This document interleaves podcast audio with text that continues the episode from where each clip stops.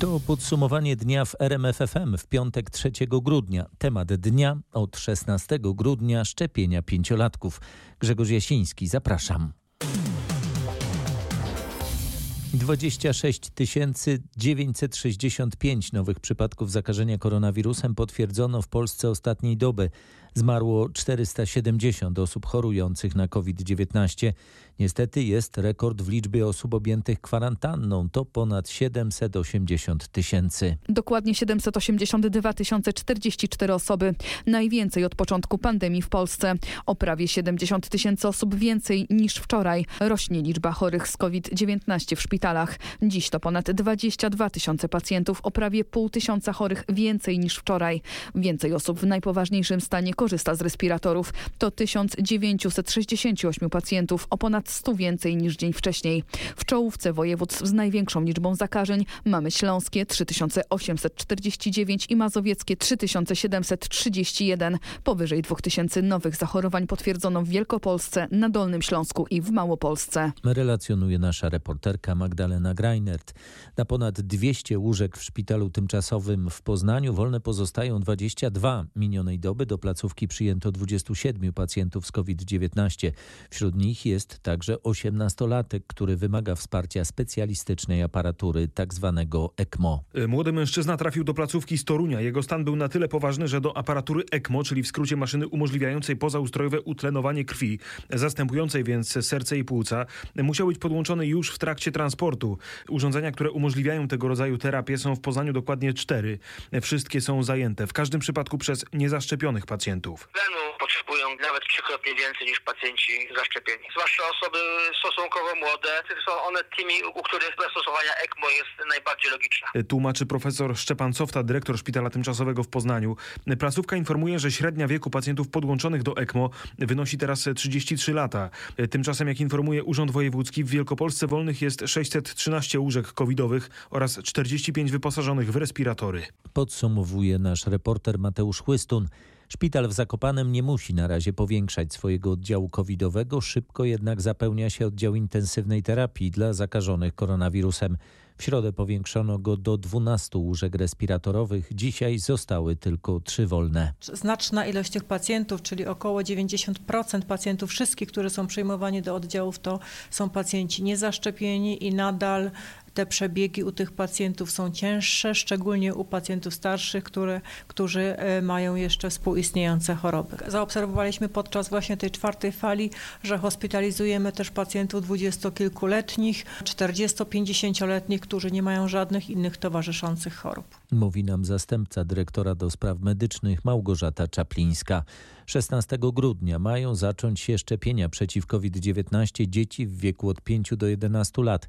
Tak zapowiada rzecznik Ministerstwa Zdrowia. Jest już potwierdzona data dostawy pierwszej partii szczepionki dla najmłodszych. Kiedy zaczną się zapisy? Zapewne po 12 grudnia, bo wtedy gotowe będą już skierowania dla dzieci. Pojawią się na koncie pacjenta rodziców. Trzeba tylko pamiętać, by dziecko było przypisane do konta choć jednego rodzica.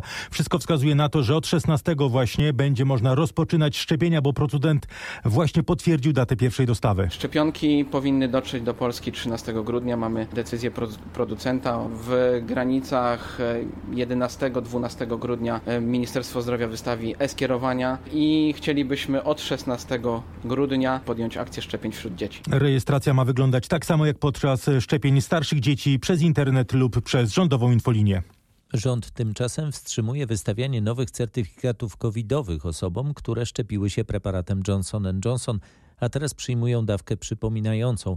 Takie osoby mogą mieć problem z uznaniem dokumentu, na przykład na lotnisku lub w innych miejscach, gdzie trzeba okazać dowód zaszczepienia. To oznacza, że przez dwa tygodnie od przyjęcia dawki przypominającej takie osoby będą posługiwały się starym certyfikatem wystawionym po pierwszym szczepieniu preparatem Johnson Johnson. W ten sposób uda się obejść unijny problem, że dawka przypominająca jest dla systemu dopiero drugą dawką. I obowiązuje nas ten 14-dniowy okres wyczekiwania. I przez te dwa tygodnie, choć ktoś przyjął już dawkę przypominającą, przypominającą widoczny jest jako osoba oczekująca na odporność po drugiej dawce. Takie osoby będą miały do dyspozycji niebawem dwa certyfikaty. Nie decydujemy się, by zastępować certyfikat stary certyfikatem nowym. W ciągu dwóch tygodni certyfikat nowy trafi na inter internetowe konto pacjenta. Problem powinien zostać rozwiązany na poziomie Komisji Europejskiej i dlatego, jak mówi rzecznik Ministerstwa Zdrowia, minister Niedzielski ma niebawem rozmawiać z unijnymi ministrami zdrowia na ten temat. Warszawa, Mariusz Piekarski. Polska wraca na niemiecką listę obszarów wysokiego ryzyka zakażenia koronawirusem. Aktualizację opublikował Berliński Instytut Roberta Kocha. Od niedzieli zmienią się zasady w podróżowaniu między Polską a Niemcami. Co czeka osoby planujące podróż za naszą zachodnią granicę? Dla osób w pełni zaszczepionych nie zmieni się nic, poza tym, że podróż z Polski do Niemiec będą musiały zarejestrować. Osoby, które szczepionki przeciwko COVID-19 nie przyjęły, będą musiały oprócz tego przejść kwarantannę. Trwa ona 10 dni, po pięciu może być skrócona, jeśli podróżny wykona test na zakażenie koronawirusem i będzie on ujemny. Przepisy o kwarantannie nie dotyczą np. Polaków dojeżdżających do pracy. Oprócz Polski za obszary wysokiego ryzyka zakażenia się koronawirusem zostały uznane Szwajcaria, Liechtenstein, Jordania i Mauritius. Lista aktualizowana jest co piątek w oparciu o liczbę zakażeń SARS-CoV-2 informuje Aneta Łuczkowska. W przyszłym roku ma wejść w życie w Niemczech obowiązek szczepień przeciwko COVID-19. Zwolennikiem takiego rozwiązania jest przyszły kanclerz Olaf Scholz. Wcześniej wprowadzenie podobnego rozwiązania zapowiedziała już Austria. Od kiedy to prawo ma wyjść w życie w Niemczech? Najprawdopodobniej w okolicach lutego. Olaf Scholz, który na kanclerza ma zostać zaprzysiężony w przyszłym tygodniu, zapowiedział dziś, że ustawa o obowiązku szczepień jest w przygotowaniu i Bundestag mają przegłosować na początku roku. To będzie dotyczyło też Polaków pracujących w Niemczech. Oni staną przed dylematem, czy się szczepić, czy pracować. Na szczęście wiele osób mieszkających w Polsce, a pracujących za granicą jest już zaszczepiona, więc ten proces po prostu się dopełni. Mówi Hanna Mojsiuk z Północnej Izby Gospodarczej w Szczecinie. Niemcy szczytu tej fali zachorowań spodziewają się w okolicy świąt. A sytuację za naszą zachodnią granicą śledzi Aneta Łuczkowska. Tydzień po wprowadzeniu stanów wyjątkowych w Czechach i na Słowacji liczba zakażeń koronawirusem w obu tych krajach wyraźnie spadła.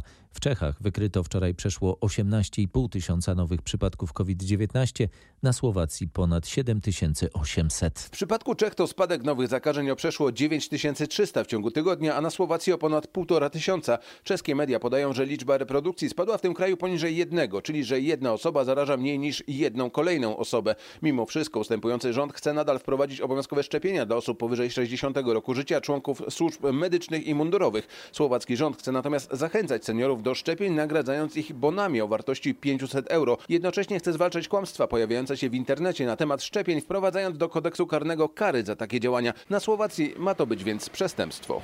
Zapowiada Maciej Pałachicki. Belgia wprowadza nowe restrykcje w związku z czwartą falą koronawirusa. W Belgii dziennie nowych zakażonych jest średnio 18 tysięcy. Większość ograniczeń wchodzi w życie od jutra. Noszenie maseczek będzie obowiązkowe od szóstego roku życia, także w klasach. Szkoły średnie będą działać w formie hybrydowej. Ferie świąteczne rozpoczną się tydzień wcześniej. Wprowadzony zostaje zakaz organizowania imprez gromadzących wewnątrz więcej niż 200 osób. Znowu jest obowiązek telepracy tam, gdzie oczywiście jest to możliwe. Zawody sportowe w halach będą się odbywać bez publiczności. Restauracje mogą być czynne tylko do 23. Jest to spore ustępstwo wobec restauratorów, gdyż pierwotnie zapowiadano, że obiekty będą zamykane o 20, podobnie jak w Holandii. O szczegółach nowych ograniczeń w Belgii nasza dziennikarka Katarzyna Szymańska-Borginą.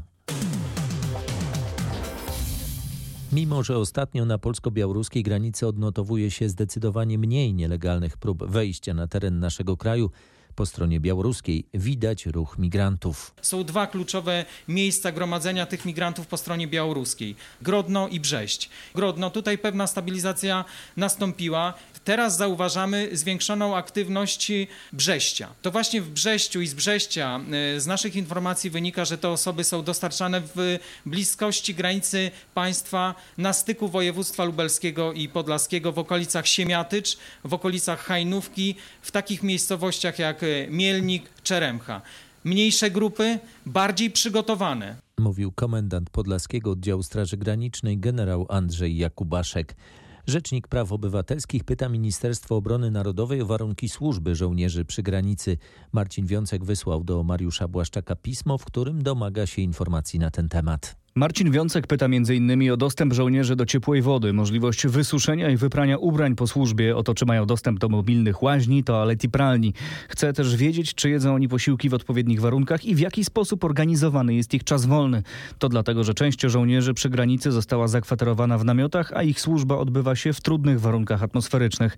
RPO prosi też o informacje w sprawie bezpiecznego przechowywania broni, a także zapewnienia żołnierzom pomocy psychologicznej ze względu na stres, który towarzyszy ich codziennie codziennej służbie. Jak pisze rzecznik, niektórzy młodzi żołnierze z krótkim stażem, mimo że uczestniczyli już w ćwiczeniach poligonowych, źle adaptują się do tej sytuacji. Wniosek rzecznika streścił dziennikarz RMFFM Paweł Balinowski. Włodawa miasto zamarłe, pusto na ulicach, radykalnie spadły obroty sklepów czy usług nawet do 60-70%. Liczyliśmy, że po końcu stanu wyjątkowego będziemy mogli wrócić do normy, ale tak się nie stało. Kolejne trzy miesiące jesteśmy zablokowani, mówi burmistrz Wiesław Muszyński. Ten spadek obrotów dotyczy tych osób, które zawsze do Włodawy przyjeżdżały na zakupy z okolicznych gmin, okolicznych miejscowości. W tym momencie chcąc uniknąć wszelkich tych kontroli, pytań, dlaczego, po co, w jakim celu, e, tylko tłumaczenia się, po prostu wybierają inne miasta na zakupy. Mm, I, I tutaj ten spadek obrotów drastyczny widać. O tych ludziach e, z handlu i usług w ogóle e, nie pomyślano. No, na dzień dzisiejszy nie. Tylko tarczą objęta, objęta jest, są przedsiębiorcy strefy z, z branży turystycznej. Natomiast ja tu zdecydowanie będę apelował o rozszerzenie o handel, o usługi, e, że, że to jest spowodowane po prostu brakiem tych klientów, którzy normalnie do Włodawy przyjeżdżali. Mówi burmistrz, którego wysłuchał nasz reporter Krzysztof Kot. A jeśli już o problemach na granicach mowa, Francja formalnie odrzuciła prośbę Borisa Johnsona, premiera Wielkiej Brytanii, by brytyjska Straż Graniczna patrolowała francuskie wybrzeża i udaremniała w ten sposób próby nielegalnych przerzutów migrantów przez kanał La Manche. Jak ta odmowa została przyjęta w Londynie? Można się było tego spodziewać. List Johnsona wywołał bowiem dyplomatyczną burzę. Premier nie tylko opublikował jego treści na Twitterze, chciał zwrócić Francji wszystkich migrantów, którzy dotychczas przedostali się na wyspy. Tylko w tym roku to ponad 25 tysięcy osób. Prezydent Francji Emmanuel Macron miał nawet nazwać prywatnie brytyjskiego premiera klaunem. Oficjalnie Paryż nie zgadza się na wspólne patrole francuskich plaż, ponieważ obecność brytyjskiego munduru w takim miejscu byłaby jego zdaniem podważeniem suwerenności Francji. Rozwiązania kryzysu uchodźczego zatem nie ma. Ludzie nadal przeprawiają się przez kanał, nadal też w nim umierają. Informuje nasz brytyjski korespondent Bogdan Frymorgan. Strategicznie to polskie stronnictwo ludowe powinno iść w parze z tymi, którzy płacą podatki i tworzą wartość dodaną, powiedział w popołudniowej rozmowie w RMFFM były prezes PSL Waldemar Pawlak. Były szef ludowców jest też za tym, by na scenie politycznej powstała nowa siła. Jak będziemy mieli trzy, cztery ugrupowania, to w wyborach możemy wybierać większe dobro. Jak są tylko dwa spolaryzowane i skłócone środowiska, no to jesteśmy często skazani na wybieranie mniejszego zła. I trzeba wyjść poza ten toksyczny związek y, PiSu i Platformy i budować mocną ofertę, y, która będzie dawała ludziom y, możliwość wyboru. Całą rozmowę Marka Teichmana z Waldemarem Pawlakiem polecamy na rmf24.pl. Rafinerie mocno obniżają hurtowe ceny paliw, ale na razie to nie przekłada się na ceny na stacjach. Średnia cena benzyny 95 i oleju napędowego na razie ani drgnie, o ile jednak ceny mogą spaść w nadchodzących dniach. Z prognoz wynika, że diesel czy bezołowiowa 95 z poziomu 6 zł i 5 groszy spadną do nawet 5,90-5,95. Autogaz też będzie tańszy wkrótce o 10 groszy, mówi analityk rynku paliw dr Jakub Bogucki z ePetrol.pl. Pytanie, czy w tym, czy dopiero w kolejnych tygodniach, ale z całą pewnością ta zmiana obniżkowa może się nam już na horyzoncie rysować. Zmiany spadkowe wynikają z szeregu czynników natury przede wszystkim międzynarodowej, czyli z obniżania się cen z powodu obaw o, o kolejnego mutanta koronawirusa i o to, jaki może mieć on wpływ y, na rynki. Dodatkowo Amerykanie i Chińczycy uwolnią swoje rezerwy strategiczne, a kraje OPEC Plus zwiększą wydobycie ropy, więc ta będzie coraz tańsza. A po nowym roku ma jeszcze wejść w życie rządowa tarcza antyinflacyjna. Przypomina Maciej Sztykiel. Czy i kiedy paliwo może kosztować znów 5,50? O tym możecie przeczytać na rmf24.pl w tekście Omikron pomoże rządowi obniżyć ceny paliw. Policja nie zmienia sposobu podziału dodatków motywacyjnych między funkcjonariuszy. W całym kraju powstały już listy wypłat, które nie uwzględniają funkcjonariuszy z choćby jednym dniem absencji we wrześniu. Wtedy trwała oddolna akcja Wielki Protest Mundurowych, podczas której policjanci szli na zwolnienia lub brali urlopy.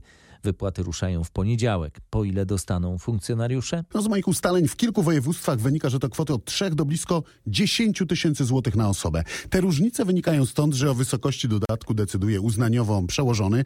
E, pieniądze na osoby pominięte powiększają natomiast kwoty wypłat pozostałych. Choć regułą miało być indywidualne podejście do każdego policjanta, w większości miejsc przełożeni nie badają powodów wrześniowej absencji. E, pieniędzy nie dostaną więc i uczestnicy akcji protestacyjnej, i osoby nie mające z nią związku, a wystarczy, że opuściły choć jeden dzień pracy. E, jak wygląda praktyka? Przykład z Podkarpacia. Policjantka po konsultacjach z przełożonym opóźniła zabieg operacyjny i wyznaczyła nowy termin na wrzesień.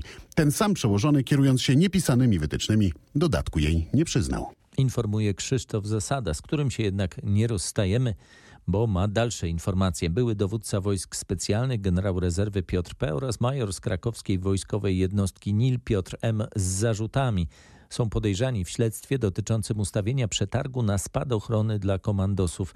Dodatkowo okazało się, że do żołnierzy trafił sprzęt bez certyfikatów. Z ustaleń krakowskiej prokuratury wynika, że między majorem P a generałem, który był wiceprezesem firmy oferującej spadochrony, doszło do zmowy przetargowej. W ten sposób stworzono warunki wartego 2 miliony złotych przetargu, którym odpowiadał sprzęt oferowany przez firmę byłego wojskowego. Podczas postępowania okazało się też, że generał dostarczając spadochrony załączył fałszywe certyfikaty jakości oraz nierzetelną dokumentację techniczną. Jak się dowiedziałem, 200 kompletów spadochronów trafiło do jednostki, nie są jednak używane, bo prokuratura zabezpieczyła zabezpieczyła je jako dowody. Z moich ustaleń wynika też, że śledczy przyjrzą się, czy ze sprawą może być związany marcowy wypadek na poligonie w Drawsku. Poszkodowany został żołnierz 6 Brygady Powietrzno-Desantowej, któremu nieprawidłowo otworzył się spadochron główny. Sprawą zajmował się nasz reporter Krzysztof Zasada. Jutro Barburka, Święto Górników. Hucznych imprez nie ma, z powodu pandemii zostały odwołane. Trudna sytuacja w górnictwie, perspektywa stopniowego zamykania kopalni też nie napawają optymizmem. Wiadomo jaka jest sytuacja teraz w tej branży energetycznej, także każdy z górników tylko marzy o tym, żeby dorobić do emerytury i, no i raczej tyle. Jak wygląda barburka w pandemii? No takich e, tradycyjnych karczm nie ma. Nie ma. Są odwołane w gronie rodzinnym, w gronie znajomych, z żoną, ze znajomymi. Tak. No bo jednak poświętować trochę trzeba. No oczywiście. Tradycja zobowiązuje, żeby ten jeden dzień sobie poświęcić na takie wspólne posiedzenie w domu porozmawianie, żeby to wszystko na przyszły rok może było lepiej. Z górnikami przed kopalnią Staszic w Katowicach rozmawiała Anna Kropaczek. Dobra skuteczność polskich skoczków w dzisiejszych kwalifikacjach w zawodach indywidualnych Pucharu Świata w skokach narciarskich w Wiśle w niedzielę zobaczymy 11 z nich. Relacjonuje Patryk Serwański. Tylko dwóch biało-czerwonych bez awansu do tego niedzielnego konkursu indywidualnego to Jarosław Krzak i Maciej Kot. On został zdyskwalifikowany za niewłaściwy kombinezon. Pozostali z awansem, w tym gronie choćby Stoch, Żyła Kubacki, debiutant Habdas, czy wracający do Pucharu Świata po kwarantannie Klemens Murańka. No ale dziś tutaj w Wiśle mówi się także o Adamie Małyszu i to nie jest przypadek, no bo nasz mistrz dzisiaj obchodził urodziny.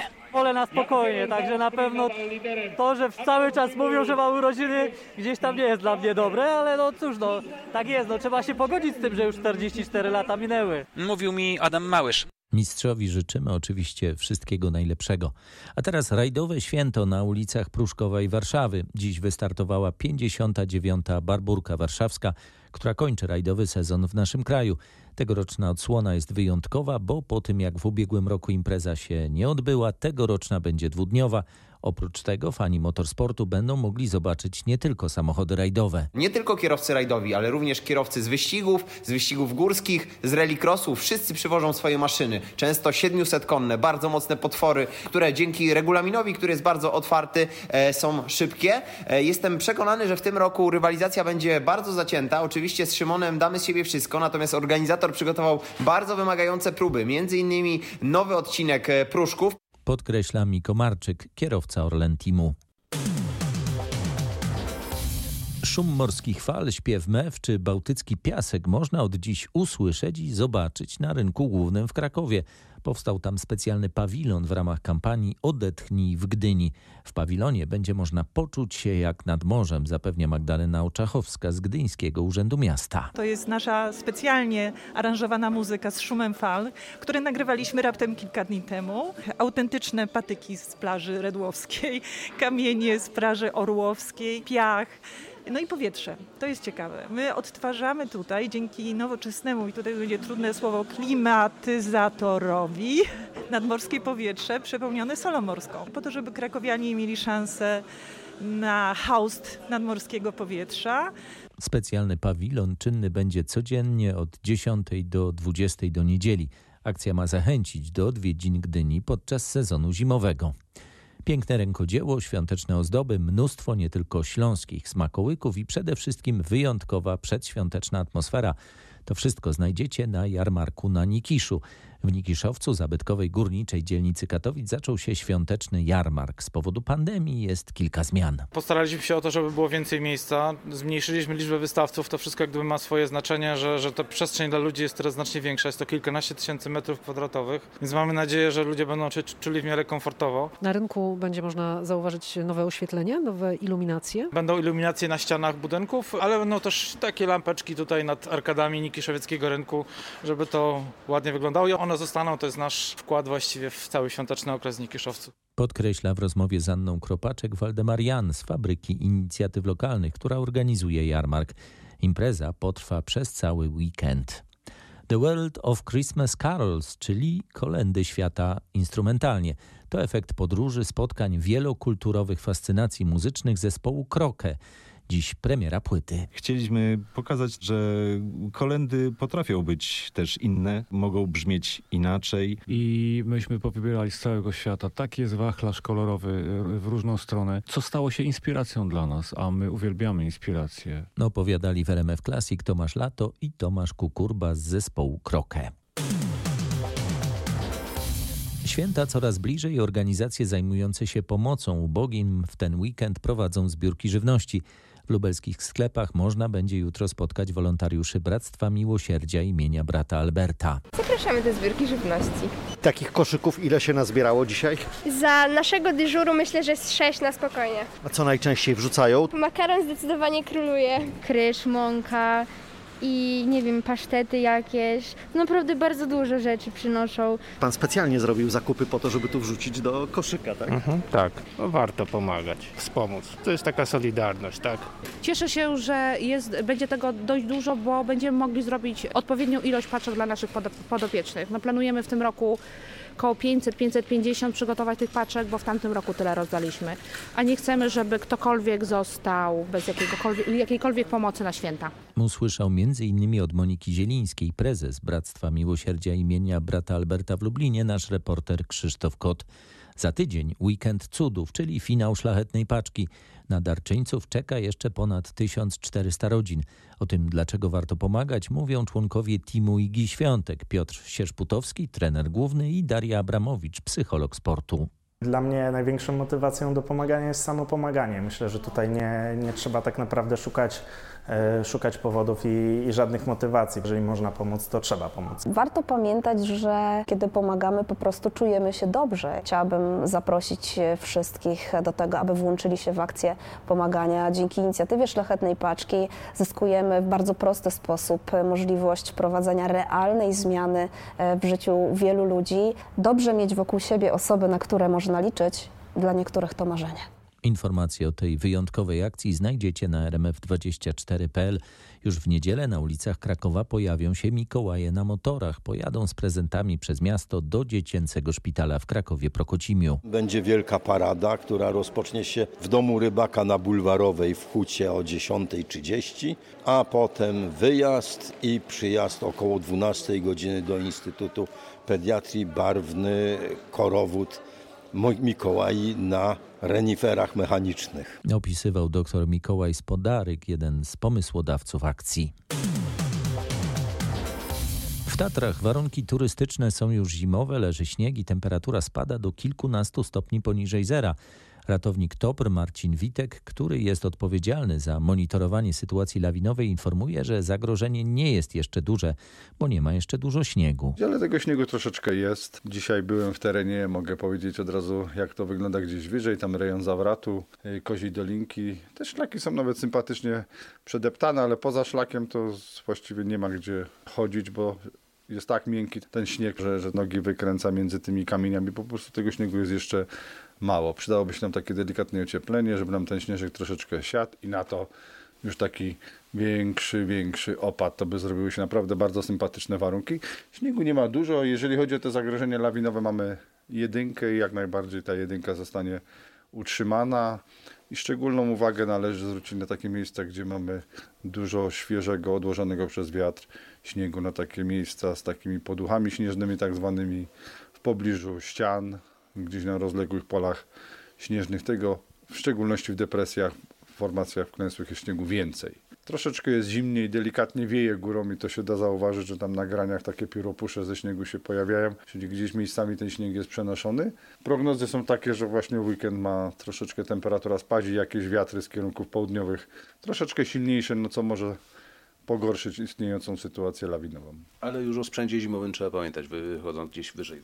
Zdecydowanie tak, czyli jak najbardziej potrzebujemy raki, czekan, Przydałby się też kask, bo, bo tak naprawdę łatwo się jest w tych rakach uczknąć, a, a widać, że jest wiele możliwości się potknięcia z racji tego, że tylko gdzie niegdzie ten, te kamyki są przykryte przez śnieg i to tak wygląda, że jest dobrze, a naprawdę źle się, źle się chodzi. Źle się naprawdę chodzi i tutaj przydałyby się też kijeczki, zalecamy.